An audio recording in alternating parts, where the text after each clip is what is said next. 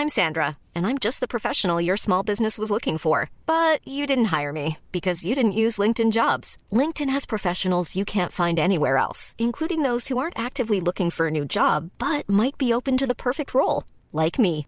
In a given month, over 70% of LinkedIn users don't visit other leading job sites. So if you're not looking on LinkedIn, you'll miss out on great candidates like Sandra. Start hiring professionals like a professional. Post your free job on linkedin.com/people today.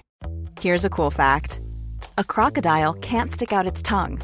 Another cool fact you can get short term health insurance for a month or just under a year in some states. United Healthcare short term insurance plans are designed for people who are between jobs, coming off their parents' plan, or turning a side hustle into a full time gig. Underwritten by Golden Rule Insurance Company, they offer flexible, budget friendly coverage with access to a nationwide network of doctors and hospitals. Get more cool facts about United Healthcare short term plans at uh1.com. Ready to pop the question? The jewelers at BlueNile.com have got sparkle down to a science with beautiful lab grown diamonds worthy of your most brilliant moments. Their lab grown diamonds are independently graded and guaranteed identical to natural diamonds, and they're ready to ship to your door. Go to BlueNile.com and use promo code LISTEN to get $50 off your purchase of $500 or more. That's code LISTEN at BlueNile.com for $50 off. BlueNile.com code LISTEN.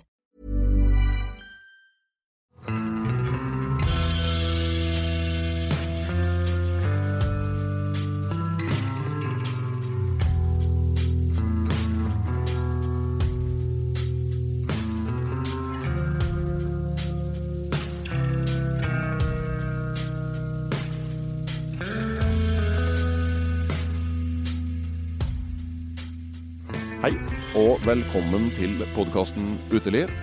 Mitt navn er Randulf Valle, og vi er godt i gang med en eh, ny sesong og en eh, ny vinter her i podkasten. Dagens gjest er Gisle Uren, eh, som bor på Røros. Men når vi nå hilser på Gisle, så tror jeg nå det første vi kommer til å merke oss, at du har ikke en dialekt som tilsier at du skulle være fra Røros. Hvordan, hvor er du fra? Hvordan havna du der, Gisle?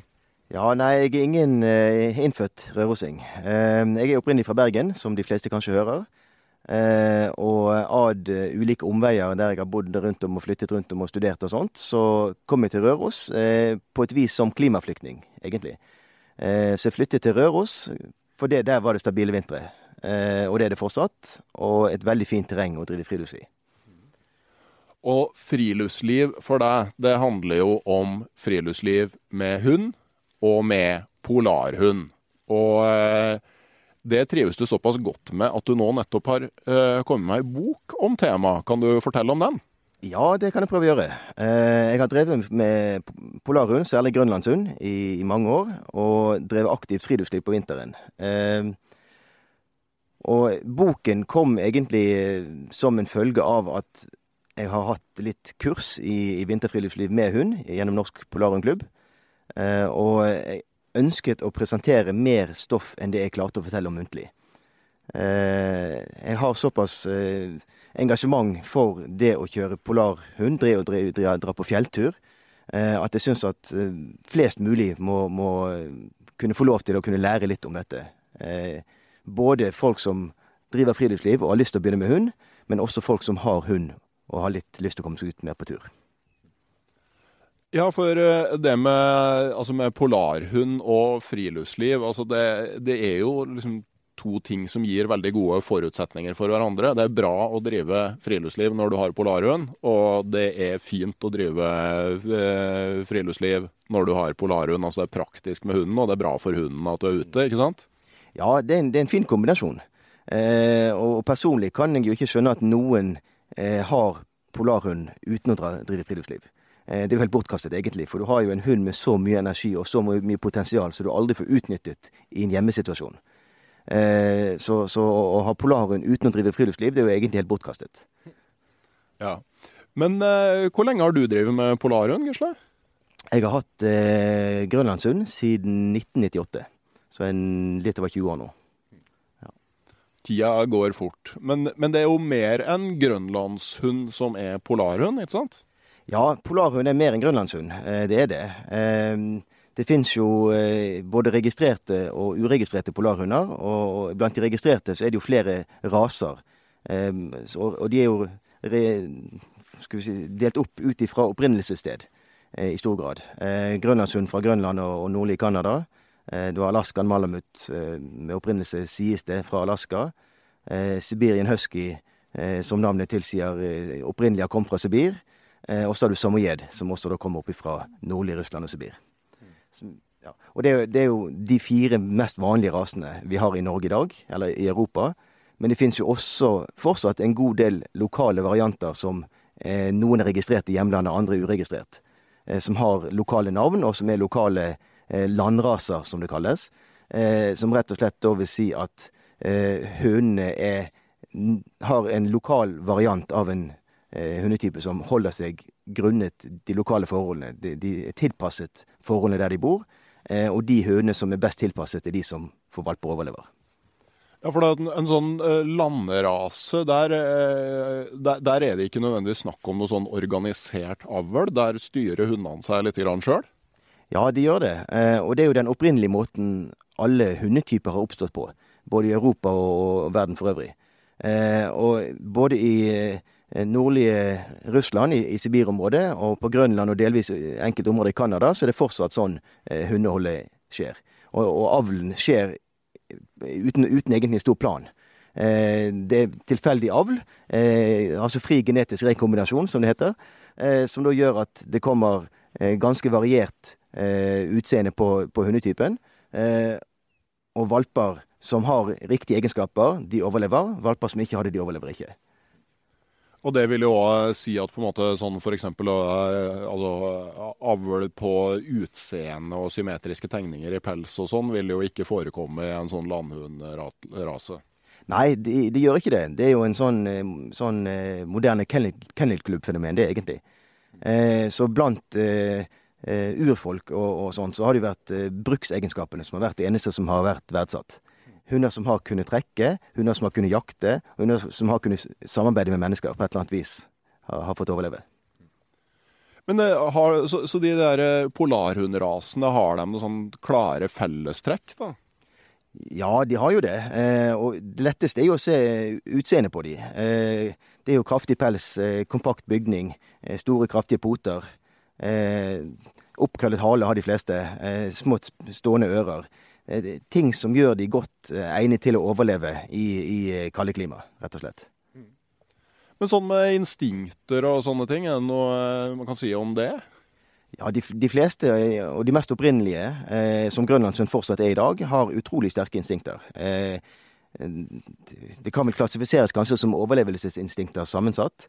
Eh, det går på jakt, det går på hvordan man skal klare seg i kulde og, og uvær og storm eh, veldig sterke flokkinstinkter, som vil si at de har en god egenskap til å bli en flokk, til å etablere seg og leve i en flokk, og eh, kommunisere godt og samarbeide godt med andre eh, familiemedlemmer uten at det blir bråk og uro.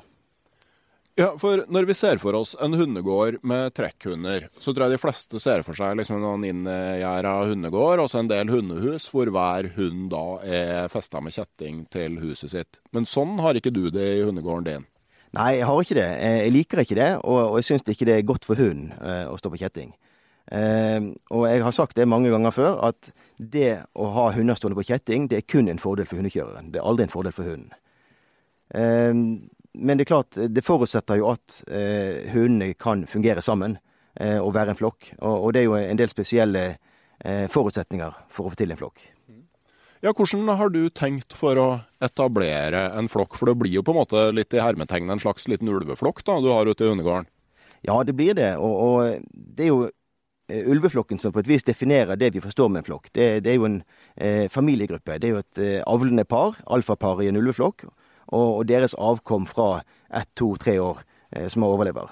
Og, og, overlevelsen blant valper i en, i en viltlevende ulveflokk er jo liten. Så det er jo én eller to valper som kanskje overlever hvert år. Eh, så flokken blir jo ikke stor i løpet av en fire-femårsperiode, når man tenker på at levealderen kanskje er fem-seks år på ulv. Ja. men hvordan utspiller den eh, dynamikken seg? Altså, hva, slags, hva, slags, roller er det i en flokk? Altså, er, er, det en statisk greie? Hvor lenge holder det her alfaparet, f.eks.?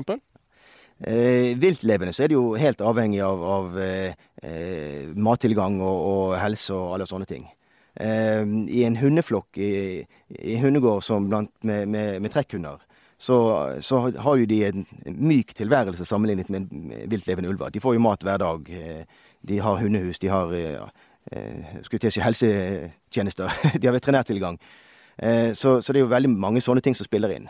Eh, så i en flokk som, som eh, i min hundegård, så er det jo i stor grad alder som, som egentlig setter begrensningen på hvor lenge hundene er med. Hvor lenge de er friske, hvor lenge de kan jobbe. Eh, og i flokksammenheng så, så er det jo da på et vis Eller måten jeg har bygget det opp på, i hvert fall, det at jeg har startet med voksne hunder. altså kjøpt som valp, men etter hvert som de blir voksen, så får jeg inn flere valper. Så jeg får kun inn valper, kjøper aldri inn nye voksne hunder.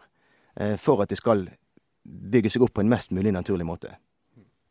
Ja, ja for at, blir, det ikke, altså, blir, det ikke, mye slåssing og veterinærutgifter, vil sikkert mange tenke, når du har et større antall grønlandshunder gående fritt sammen? Ja, det, det, er mange som tror det. Men hvis man gjør det på en fornuftig og, og prøver å etterligne en naturlig måte, så er det nesten ingen slåssing. Det er det ikke. Litt grann bråk og uro blir det rundt løpetid, men da skiller jeg hundene av fra hverandre litt. Eh, men Størsteparten av året så kan så å si hele flokken gå sammen i én stor hundegård, og de går løs sammen og, og bor sammen døgnet rundt. De fôres eh, i, i, flokk og, og, og, har hele livet sitt sammen med hverandre. Men eh, altså, hvordan, eh, hvordan, utspiller det seg? Altså, for det vil jo være sånn at en valp etter hvert begynner å klatre i rang, og på et eller annet tidspunkt så vil lederparet ditt bli detronisert. da. Altså, hvordan eh, hva er din rolle som, som, eier og for så vidt flokkleder da, i sånne situasjoner? Ehm, jeg, jeg, gjør minst mulig. Eh, jeg har lært meg til å gjøre minst mulig, for jeg ser at flokken stort sett fungerer uten min innblanding. Bedre uten innblanding enn med innblanding. Eh, jeg passer på å, å følge med, eh, og jeg er jo med hundene hver dag og trener mye med dem, så jeg ser jo når et gammelt lederpar eller en gammel lederhann f.eks. begynner å bli svekket av alderdom. Og da er jo tiden kommet til å ta den hunden ut av flokken og la de bo ved siden av flokken eventuelt. Eh, og da er det jo ofte andre yngre hanner som er klar til å ta rollen. Eh, og, og, de eh, tar han gladelig, skulle jeg til å si. De, de liksom går, går, nesten og venter på tur. Og det, jeg ser jo også at enkelte lederhanner er såpass psykisk sterk at selv om de er svak fysisk, så holder de alle de andre på, på, plass og under seg bare, bare, ved å være sterk psykisk. Er det trist når et sånt gammelt lederpar eh, takker av? Ja, det er jo på et vis det. Eh, for de har jo gjort en god jobb, som jeg Eller alle de jeg har hatt, har gjort en god jobb, for de har vært, hatt egenskaper til det. og Derfor de har blitt leder en gang i tiden. Eh, og da har jo de holdt en ro og en stabilitet i flokken som, eh, og gjort en kjempefin jobb. Så, så, det er klart det er trist. Men, men ofte så, eller flere ganger, så har jo hunden levd lenger enn at de, de, har gått av som leder, men har fungert helt greit ved siden av flokken. Og sosialisert sammen med de andre som de fortsatt er venner med eh, på dagtid, men ikke at de, de bor sammen døgnet rundt. Men sånn med, med, kjønnsfordeling, er det viktig for å få en bra flokk? Eh, ja, noenlunde eh, jevn, jevn kjønnsfordeling tror jeg, føler jeg er viktig. Så jeg, jeg har ganske likt antall hanner og tisper. Jeg har åtte hunder nå, fire hver. Eh, og i forhold til flokkdynamikk så har hanner og tisper ulike roller på et vis. Eh, lederhann eh, har du, på et, har du og, eh, så de, de, oppfører seg ulikt eh, i flokk, og, og, kanskje mot valper, eh, hanner og tisper. Så, så, de har ulike oppdragerfunksjoner på et vis. Ja, kan du si litt mer om det? Eh, ofte, ofte, ofte syns jeg at eh, hanner er enklere og mildere å finne seg i mer fra valpene enn tisper gjør. Eh, og tisper kan være ganske hard med valper eh, som ikke er sine egne, eh, og som ikke kanskje er eh, sin datter sine valper. Altså, jeg har, jeg, har, jo flere generasjoner både hanner og tisper. Eh, og forholdet mor-datter er veldig sterkt. Eh, mens to søstre ikke nødvendigvis trenger å være venner. så det er klart at det er ikke like kjekt med din søster sine valper som det er med din mor sine valper, altså dine egne søsken, når du er en ett eller to år gammel tispe. Så, så der er hanner enklere, for de aksepterer på et vis alle valpene uansett. Vi hadde jo en, eh, en grønlandshannhund som eh, vi var på besøk i eh, Vi var på besøk i Pasvik hos en hundekjører. Han hadde Alaska Husky og valper. Og så så vi det var ei fryktelig kald natt, hvor Tule da Om morgenen så lå han på utsida av hundehuset sitt, ute i snøen. Jeg skjønte ikke det der. Og da da, hadde de valpene flytta inn i huset hans. Og han hadde tatt eh, rollen som barnehageonkel. Han lot dem til og med han bare, Når vi fôra, så kom de og spiste maten hans. Han sto bare og så på. Han er, var virkelig matgal. Så det var veldig overraskende. Ja, det er det. Og det er ganske fascinerende å se på hvor, hvor mye valper får lov til iblant. Eh, så, så de, de klatrer og biter og herjer og, og tar maten, selv fra, fra store, tøff, det du anser som tøffe hannhunder. Som er så mild og så myk.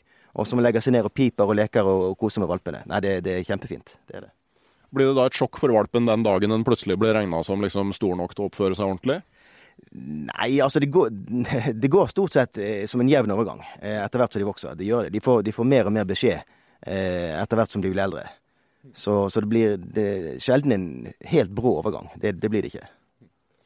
Men eh, når det gjelder Alaska Huskyen, som jeg nevnte på her nå, altså som jo er den hunden som brukes i langdistanse hundekjøring, altså hva er forskjellen på den og polarhundene?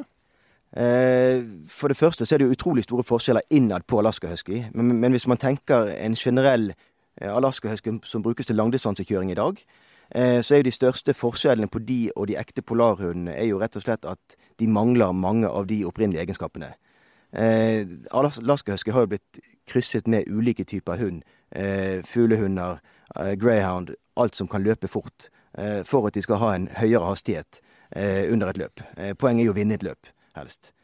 Eh, så de har mistet en del av de tingene som gjør at polarhundene overlever i de ekstreme forholdene. De har dårligere poter, de har dårligere pels, de er lettere bygd, de har lengre bein.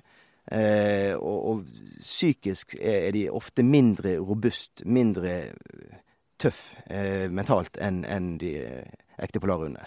Og mange av de har dårligere appetitt. Eh, hva det skyldes, det, det skal jeg ikke si, men eh, blant polarhunder, når jeg er på tur med grønlandshunder, så er jeg aldri redd for at de ikke vil spise om de er sliten. Mens jeg har sett på, på løp, femmeløpet og sånt, at en del alaskahøskekjørere sliter med å få hundene til å spise, for de er rett og slett for sliten til å spise. Eh, så så de, har, de har mistet en del underveis for å bli den raske atleten de er, i forhold til det å kunne overleve på tur. Men samtidig så vet jeg jo at en del veldig erfarne friluftsfolk, altså sånn som Krempig-familien i Alta og Sven Engholm, som kanskje er den største hundekjørerlegenden vi har i, i Norge, altså dem har på en måte kanskje holdt litt på de Alaska Husky-linjene som ligger noe tettere opp mot eh, sånn som eh, grønlandshunden, og får veldig fine turhunder der, så vidt jeg vet. da. Ja, det, det, det ser man jo. Eh, og en del, og derfor sa jeg jo også i sted at Alaska Husky er en utrolig variert eh, gruppe hunder som har fått et felles navn. Eh, for det fins en del som har mye mer polart i de. Eh, og, har, og bor kaldere og trenger bedre pels og trenger en del av disse egenskapene. Og som velger det på bekostning kanskje av en del av de andre egenskapene som, som de mest aktive løpkjørerne velger. Og det som for en del kanskje kan være greit med en Alaska Husky i forhold til en grønlandshund, er jo at du får jo en hund som er noe lettere og ikke riktig så sterk. For det er jo forferdelig mye krefter i en stor grønlandshund å håndtere. Ja, det kan det være. Eh, så det er klart en, en, det er lettere å håndtere en hund på 25 kilo enn en på 40 kilo. Det er det jo. Det er ikke tvil om. Men, men samtidig så eh, bør ikke det være hovedargumentet for å velge, velge hund. Eh, du får mye igjen for det du jobber med med en hund, eh, og måten du, du lærer hunden opp. Eh, så det finnes eh, svære grønlandshunder som er akkurat like letthåndterte som, som eh, små alaskahuskyer. Det gjør det altså. Ja.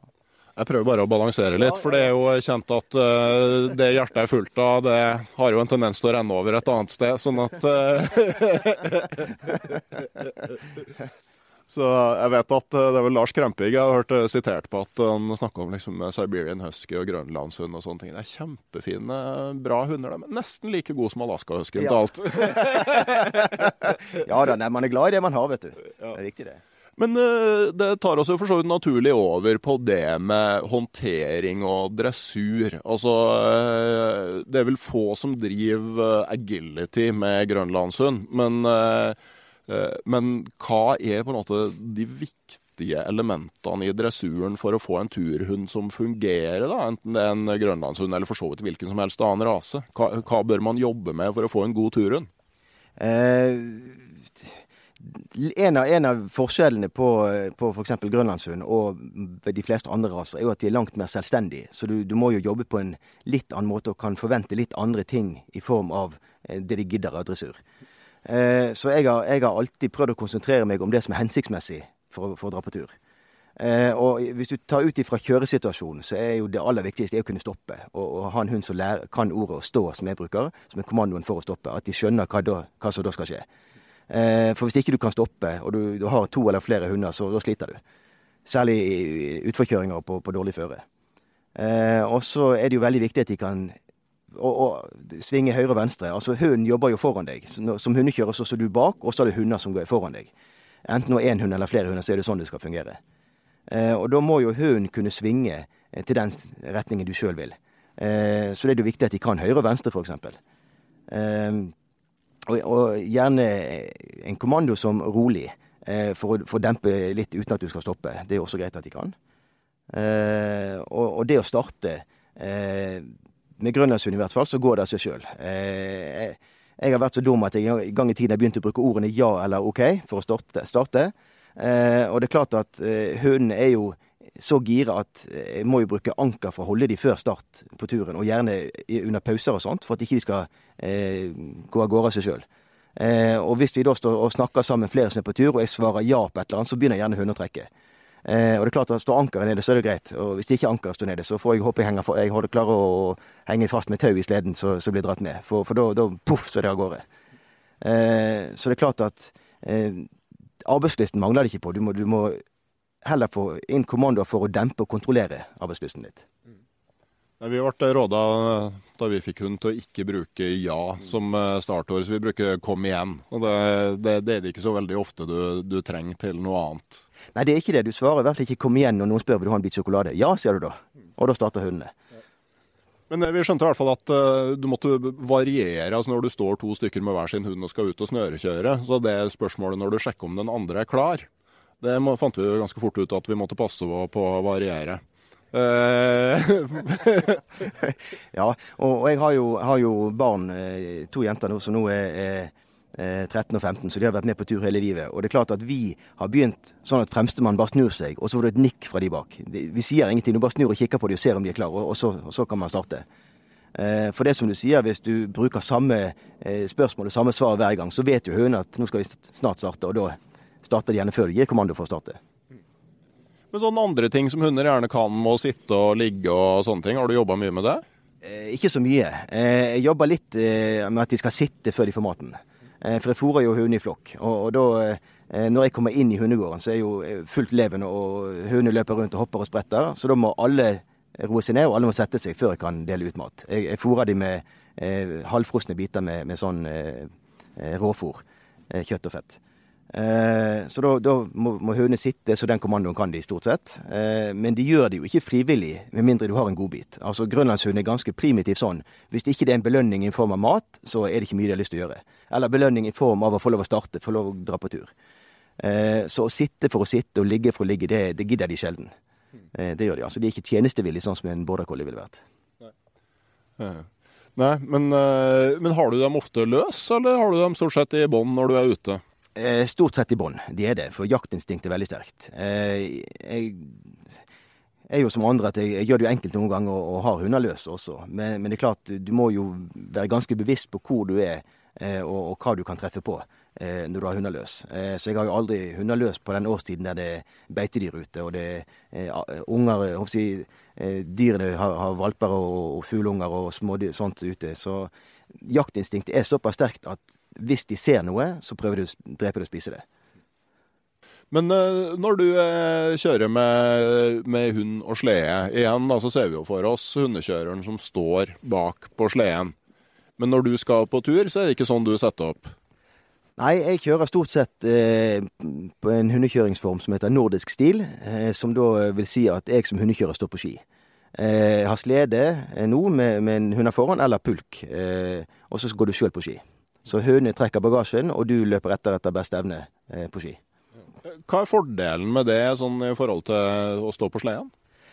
Den største fordelen er jo at du kan dra på tur helt uavhengig av antall hunder. Eh, du, det funker, fra én hund og pulk oppover. Eh, en annen fordel er jo at når du er på tur, når du er på fjellet eller i skogen, eh, så har du på deg ski. Eh, og du er klar for å møte dårlig, dårlig vær, og, du er klar for å møte dårlig, dårlig føre hvis det trengs. Eh, når du står på sleden og, bare står bak, så kan du risikere å bli sittende fast hvis det, hvis det blir eh, dårlig snø. Men eh, jeg ser jo Altså, det her er jo måten som f.eks. Sørpolen ble erobra på, som Amundsen eh, brukte. Altså, og I boka som du har kommet med nå, så refererer du jo en del til en måte, norsk historisk bruk av polarhund. Altså, Er det på en måte en sånn der, uh, kulturformidlende del i at du har valgt den stilen, eller er det fordi at du mener at det er det beste? Eh, mest fordi det er praktisk. Eh, når vi har vært en familie med, med to voksne og to til tre barn som skal på tur, eh, med et begrenset antall hunder, så, så, kan ikke alle stå på steden. Eh, da, da, har ikke vi fått med oss bagasje, og da har ikke vi fått med oss alle folkene heller. Eh, så da har løsningen vært å gå på ski. Eh, og jeg begynte jo med én hund en gang i tiden, og det var også løsningen å gå på ski og ha pulk. Så min inngang til hundekjøring har jo på et vis vært gjennom friluftsliv. og jeg syns at den mest praktiske måten å drive friluftsliv med hund, er å gå på ski sjøl og ha bagasje oppi pulk eller slede. Ja, nei, Det er jo det jeg på en måte sjøl har gjort med tidligere med to hunder og, og nå med én. og det, Du får jo med deg ganske mye og, og, er fortsatt ganske fleksibel. Men hvordan fester du inn både deg og hundene når du gjør det på det viset her? Eh, hundene har jeg ofte festet i et linesett av samme type som, som brukes i større spann. Eh, to og to hunder som går parvis langs en midtline fremover. Eh, og sjøl så henger jeg i strikkline bak eh, sleden, eh, og må henge fast. for hvis du ikke henger fast og går på trynet, så blir du frakjørt. Så, så, det er viktig å, å henge fast til slede, sledehunder. Ja. ja. Så på Grønland så spenner man jo gjerne opp hundene i vifteformasjon. Er det noe du har prøvd? Ja, jeg har det. Eh, og det, det, er ganske spennende. Eh, så jeg prøvde viftespann for noen år siden i forbindelse med en eh, bekjent jeg har, som hadde bygget, eller rekonstruert en slede etter Eivind Astrup, eh, og rekonstruert hundeseler etter Eivind Astrup. Og dette utstyret testet vi da ut med å kjøre hund i viftespann. Ehm, og det jeg opp, opplevde, eller før vi begynte, og før jeg satte i gang når jeg skulle trene de til å gå i viftespann, så var jeg jo ganske bekymret for hva som kunne skje, om de begynte å slåss, eller om de, de ville reagere ulikt på noen måte. Eh, men jeg opplevde jo det at når jeg begynte, så, så var det nesten skuffende enkelt. For hundene kunne det på et vis fra før.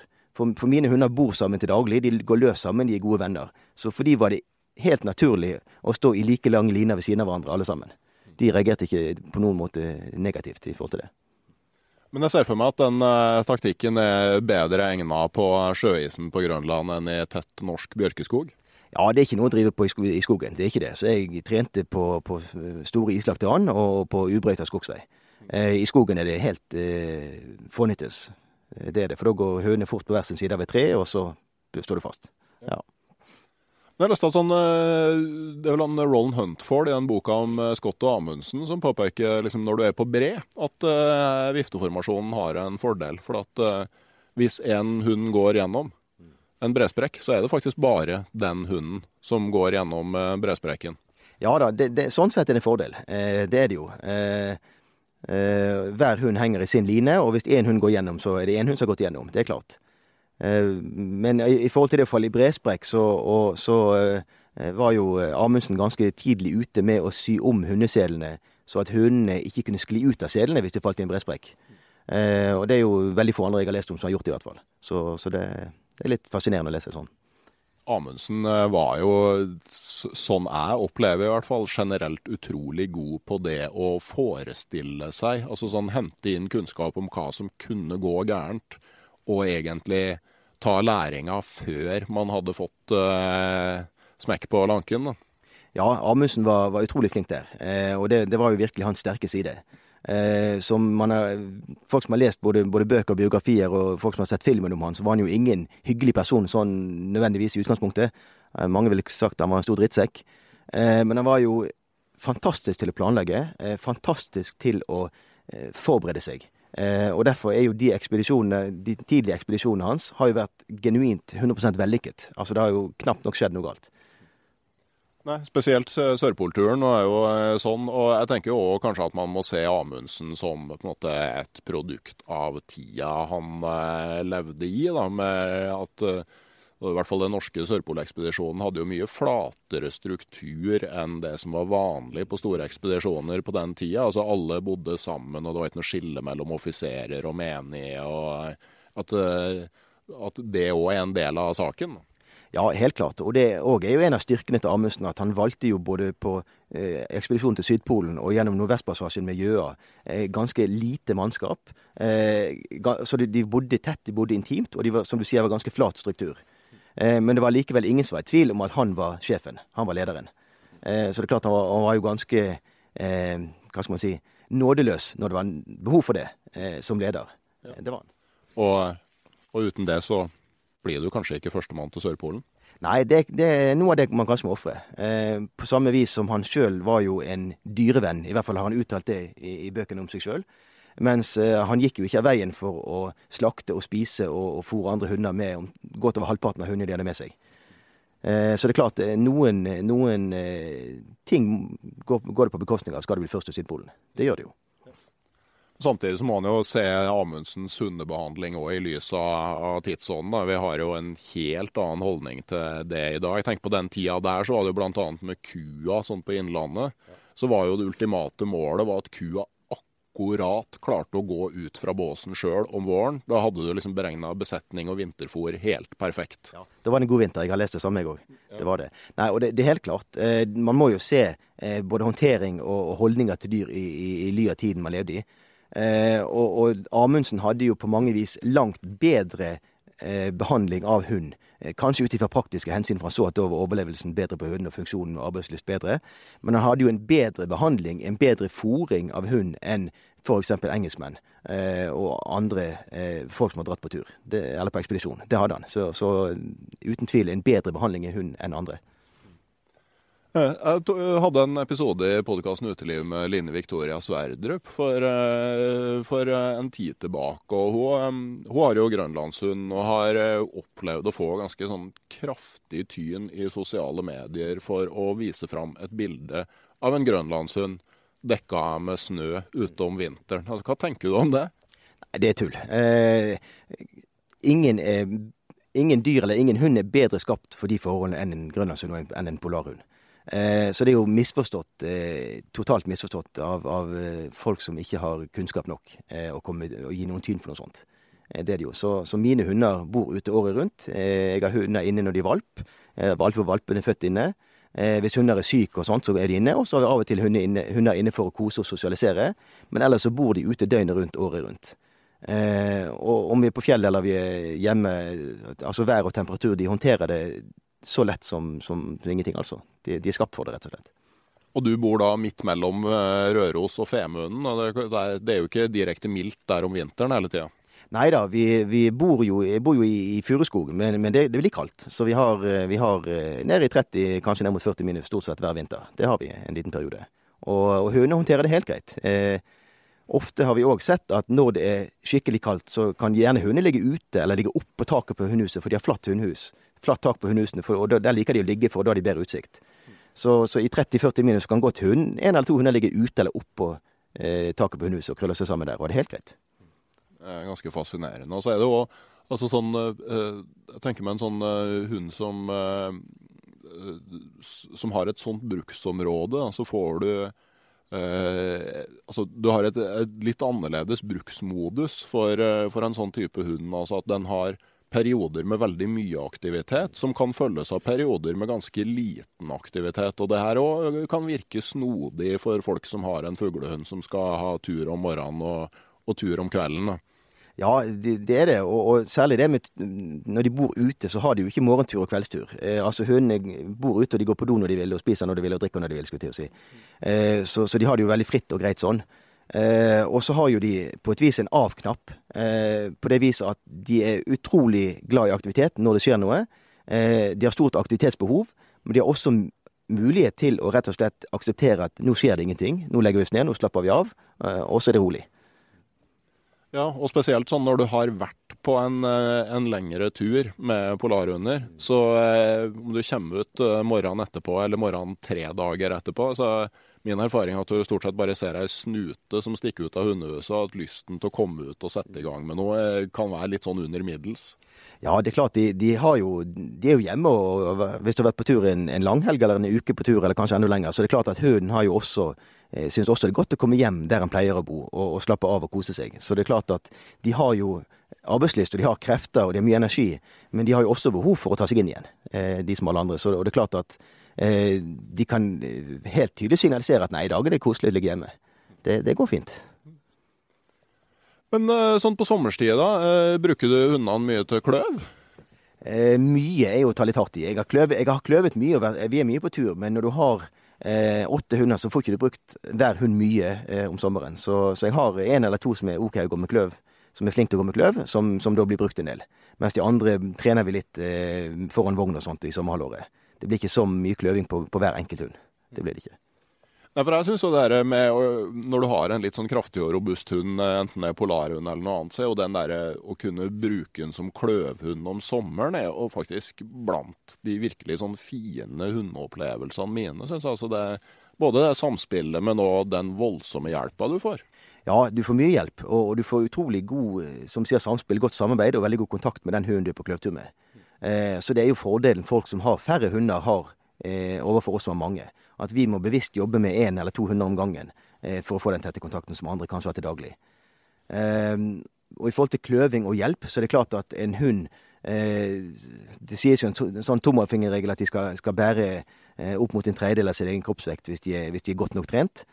Og det er klart at med en hund som er forholdsvis stor, en hund på 30 kilo, så, så får du ganske god hjelp eh, hvis den kan bære 10 kilo på en helgetur, altså. Det, det gjør du. Ja, vi brukte jo eh, våre mye Altså vi trente mye med kløv om sommeren. For at eh, den blir jo på en måte ikke bare sliten av å gå en tur. Sånn at et eller annet må du gjøre. Uh, så vi hadde vel sånn Da de var i sitt ess, så kunne vi vel ha sånn 12-13 kilo på den minste, og faktisk egentlig så mye som det var plass i kløven til på, det, på den største. Men så fikk vi jo svi. Det kom tider med barn og mindre aktivitet og sånne ting. Og så da at eh, altså, da kan du ikke forvente at de skal takle det samme når, når de ikke har hatt de samme treningsøktene. Og Tispa fikk eh, antagelig noe betennelse i, i håndleddet ved, ved, en, eh, en anledning der. Ja, og det er klart, eh, det å gå med kløv det belaster jo framparten, eh, frambeina, eh, mye. Det er der hoved, hovedvekten kommer. Og særlig håndleddene er utsatt. Og, og skulderledd og, og, sånne ting. Alt, alt blir jo ekstra belastet når hunden får vekt på ryggen. Så det er jo viktig å begynne forsiktig og begynne å trene opp. Særlig om hunden er ung. så må de få bygge seg opp og bli sterk før du kan forvente at de skal bære mye. Og ikke minst etter en vinter, selv om du har kjørt mye slede så blir det en helt annen type belastning om hunden skal begynne å gå med kløv. Eh, så selv eh, om du har en hund som kan gå, gå fire-fem mil foran sleden, eh, så trenger den fortsatt styrketrening før den kan gå langt med kløv. Det merker man jo sjøl, bare når man skal slå an fra å gå på ski til å begynne å springe om våren. At ja. hvis man er for, Du er i veldig god fysisk form, men du blir veldig fort for ivrig og får veldig vondt i knærne. Ja, ja det blir en helt annen belastning, så kroppen må vende stille. Det, det må det. Ja. Men sånn i, i tursammenheng, altså sånn med dressur, altså en ting som jeg tenker på for enhver turhund som en ting man kan øve på, det er at de blir trygge på å være alene i leiren. Ja, eh, det er klart. Eh, og det, er jo en, en, utfordring, særlig hvis man har én hund eh, og skulle lære den til å være alene. For de liker jo å være sammen med oss folk. Eh, det gjør de jo. Eh, problemet er mindre når du har flere hunder, egentlig. Da, når du har en, en eh, 400 med deg på tur, f.eks., så har de mye større toleranse for å ligge alene enn én hund. Eh, det har det. Så jeg har egentlig aldri jobbet bevisst med det. Eh, for som regel når jeg er på tur, så har jeg ikke det store behovet for å gå langt vekk fra leiren. Eh, vi beveger oss sammen om dagen, og så, og så er vi da i nærheten av leiren ofte om kvelden. For min del så har jeg kanskje hatt en litt annen bruk, spesielt om sommeren, hvor eh, f.eks. vi har gått en lang distanse inn til en bit av ei elv eller et fiskevann eller noe sånt, og de har ja, kanskje gått åtte-ti timer inn dit med kløv. og så, så er tanken at de skal ligge et par dager og hvile seg og ta seg inn igjen mens vi fisker, før de flytter seg videre. og Jeg ser du skriver i boka di om at du i størst mulig grad prøver å bruke det som kalles positiv forsterkning. For det er jo mange som tenker at hvis hunden bråker i leir og eh, står og hyler og er engstelig for hvordan det her skal gå, så må du kjefte på den. Men, eh, men det er jo mye mer effektivt å da gjemme seg et eller annet sted og sitte der tålmodig og vente til hunden har roa seg. Og så spretter du fram igjen og gir masse ros og masse kos og kanskje en godbit, og at eh, liksom etter hvert forstår at det å være rolig i leir har fordeler. Ja da, det er jo helt riktig måte å gjøre det på. Det er det. Eh, og det er vanskelig å være så tålmodig som du beskriver. Det er jo det. Å skulle ligge bak steinen og vente i en time eller to til hunden roer seg ned. For det kan ta lang tid. Særlig med unge hunder. Men, men, det er helt riktig at, at uh, å lære ved positiv uh, forsterkning, det, det, er jo det som er den uh, mest effektive måten å få hund til å lære på. Å løpe inn i leiren og kjefte og, og, og riste i hunden, det har jo ingen effekt. For det første har hunden oppnådd det de ønsket du kom tilbake. alt det andre blir jo bare negativt i etterkant. Og det er ikke fordi du kom tilbake, eller det er ikke fordi hunden bråket. Det er bare du som er dum, det i etterkant. Så, da, så læringen er jo lik null i en sånn setting. Ja, det, jeg må innrømme at jeg har de er jo ikke glad i vann. Så eh, de hadde en tendens til å hyle veldig når vi begynte å ta ned leiren. Ja. Altså, Man kan jo aldri være sikker på at man får lov å være med videre den gangen her. Altså, på, Før eller seinere så kan det hende man blir etterlatt ute i skogen mutters aleine. Så jeg, eh, jeg, må innrømme at jeg brukte et korrigerende vannglass en gang. Og det, det var en sånn eh, relativt mild korreksjon som, som, faktisk hadde en viss effekt. Da. Men men, eh, men, det er egentlig bare tålmodighet som, som, hjelper for å få dem til å være stille i, i leir. Og, det, og det, det, var noen sånn lange runder i starten.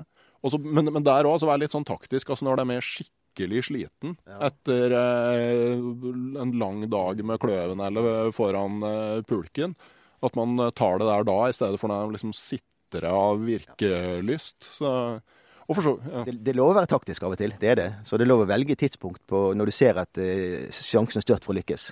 Det, det, er klart. Ja, For du hadde en sånn lang periode med jobb med å få hundene til å være rolig før du skulle starte ut med sleden?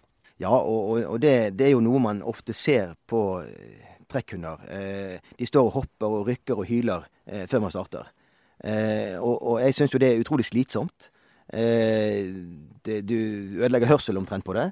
Eh, og så er det jo potensielt farlig, eh, særlig hvis du er på tur med, med barn og har små barn i sleden, og, og hunder rykker av gårde med dette her.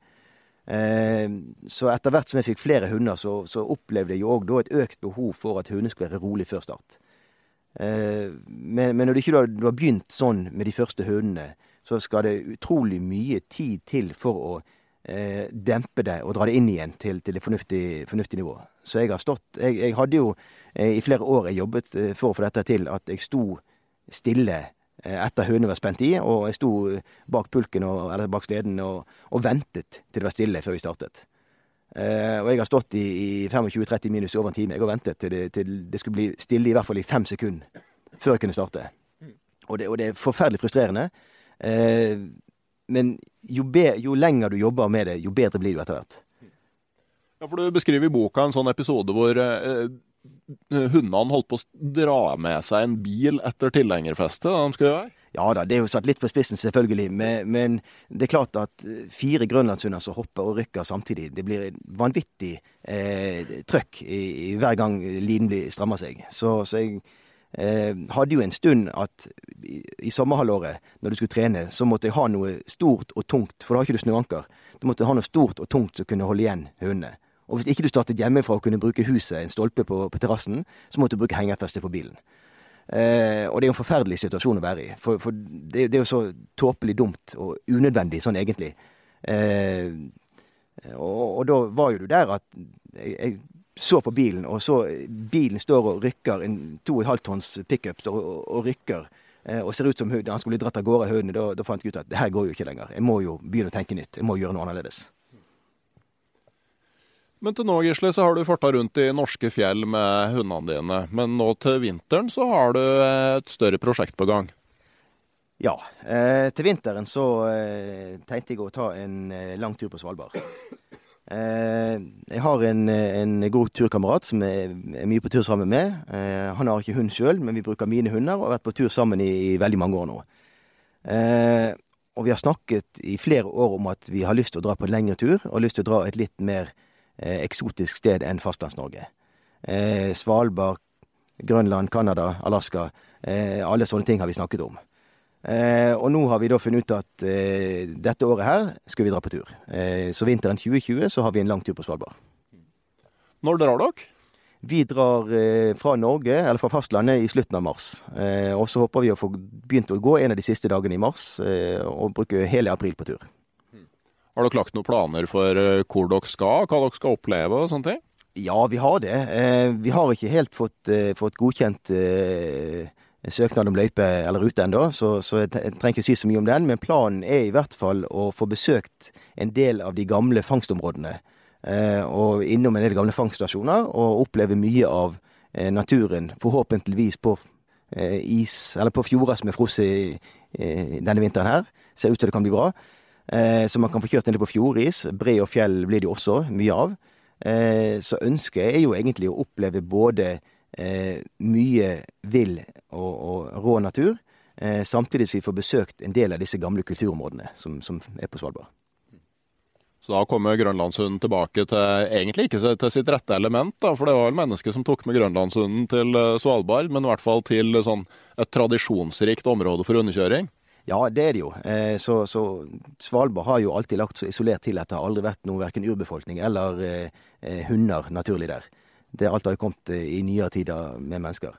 Eh, men det er klart at klimaet på Svalbard er jo eh, akkurat sånn som en grønlandshund er skapt for. Eh, det er det jo. Så, så eh, vi, er, vi er ikke redd for verken kulde eller noe annet i forhold til hundene. Eh, da er vi mer bekymret for at det skal være eh, for mildt, for dårlig is, sånne ting. Som nå klimaendringer fører til at forholdet blir dårligere for hver vinter som går, nesten. Jepp. Uh, man kan følge dere på nett, ikke sant? Vi har uh, nettsted langsomt.no, Uh, og turen vår har vi kalt Langsomt på Svalbard. Eh, med tanke på at vi ikke skal stresse av gårde. Vi skal ikke fra nord til sør. Vi skal ikke være først eller høyest eller noe. Vi skal bare kose oss på tur, og vi skal nyte tiden og oppleve ting langsomt. Det høres ut som en eh, veldig bra plan. Um, eh, hva var det boka di het, Gisle? Boken den heter 'Frossen frihet'. Eh, Hvor får du tak i den? Foreløpig så får du tak i den ved å ta kontakt med meg. Vi kan eh, kanskje komme tilbake med mer info om eh, det. Denne episoden her blir tatt opp litt før den skal sendes. Gisle sitter fortsatt og klør seg i hodet og lurer på eh, om hele tittelen er i boks, og eh, hvordan boka skal selges. Men det kommer vi tilbake til. Nei, men Det har vært hyggelig å, å ha deg som gjest i podkasten, Gisle. Lykke til med både bok og tur. Tusen takk. Det er kjekt å få lykkeønsker. Ja. Til slutt så tenkte jeg bare å eh, si et par ting. Eh, For det første, gjerne fortsett å dele bilder på Instagram eh, av friluftslivets mindre delte sider under hashtaggen ekte friluftsliv. Vi har fått noen gnagsårbilder delt som jeg håper ikke blir overgått. Eh, Men eh, også regnvær og storm og i det hele tatt. eh, Det er veldig fint at folk fortsetter å dele det. Jeg skal òg nevne at podkasten Uteliv har et samarbeid med Camp Villmark, Norges største villmarksmesse, som går av stabelen på Norges varemesse fra 27. til 29. mars. Da er du på Svalbard, Gisle, men, eh, men andre kan jo hundefolk er hjertelig velkommen der. Og det er jo oppfordra til å ta med hund på Camp Villmark, og det kan vi vel si at er en eh, ganske sånn fin sosialiseringstrening for en hund. Ja, for hunder som er robuste nok, så, så kan det være en fin sosialisering. Eh, det er klart, Har du en hund som er nervøs i utgangspunktet, så er det nok ikke en så stor messested å ta den med. Eh, men har du en hund som er robust nok og vant nok til å være med på ting, så er nok eh, absolutt det å være på et sted med mye mennesker og mye hunder en, en fin måte å, å få trent på. For det er jo òg en sånn greie med hunder at eh, altså sånn, eh, de får jo stimuli ikke bare av å slite seg ut eh, fysisk, men det å oppleve nye ting eh, sånn mentalt, det er jo òg viktig for dem. Ja, det er klart. Eh, og det er jo en veldig viktig jobb for oss som hundeeiere å ta dem med på ulike ting, så de får oppleve en del nytt, sånn at ting ikke nødvendigvis oppleves som stress eh, hver gang de skal, skal være med på buss eller biltur eller hva det måtte være. Eh, så, så det er viktig å venne dem til en del ting eh, tidlig i livet. Og kanskje spesielt det at livet er ikke bare én ting. Altså det, livet er en omskiftelig greie hvor det stadig skjer et eller annet som er litt nytt. Ja, det, det er helt klart. Og, og, jeg tror nok at de lykkeligste hundene er de som får være med på mest mulig i hverdagen. De som ikke bare må ligge hjemme i hundegård, men de som faktisk får være med eh, nesten alt eh, eieren skal på. Men har du grønlandshund, så pass på når du går forbi pølseboden på, eh, på Camp Villmark. Men det er òg en del andre hunderelaterte aktiviteter der. Det er valpeshow. Og så er det foredrag da, om mentaltrening eh, av hund, og eh, om skadebehandling på hund. Og du kan møte en veterinær og få tatt gratis helsesjekk av eh, hunden. Og så er jo Forsvarets hundetjeneste der, og da er man vel fort vitne til et litt annet dressurnivå enn en normal polarhund har. Det vil jeg tro. Det krever nok litt mer av hunden der enn en grønlandshund, vil klart. Så for uh, hundeinteresserte villmarkinger så er det altså uh, bra grunner til å ta en tur på Camp Villmark helga 27.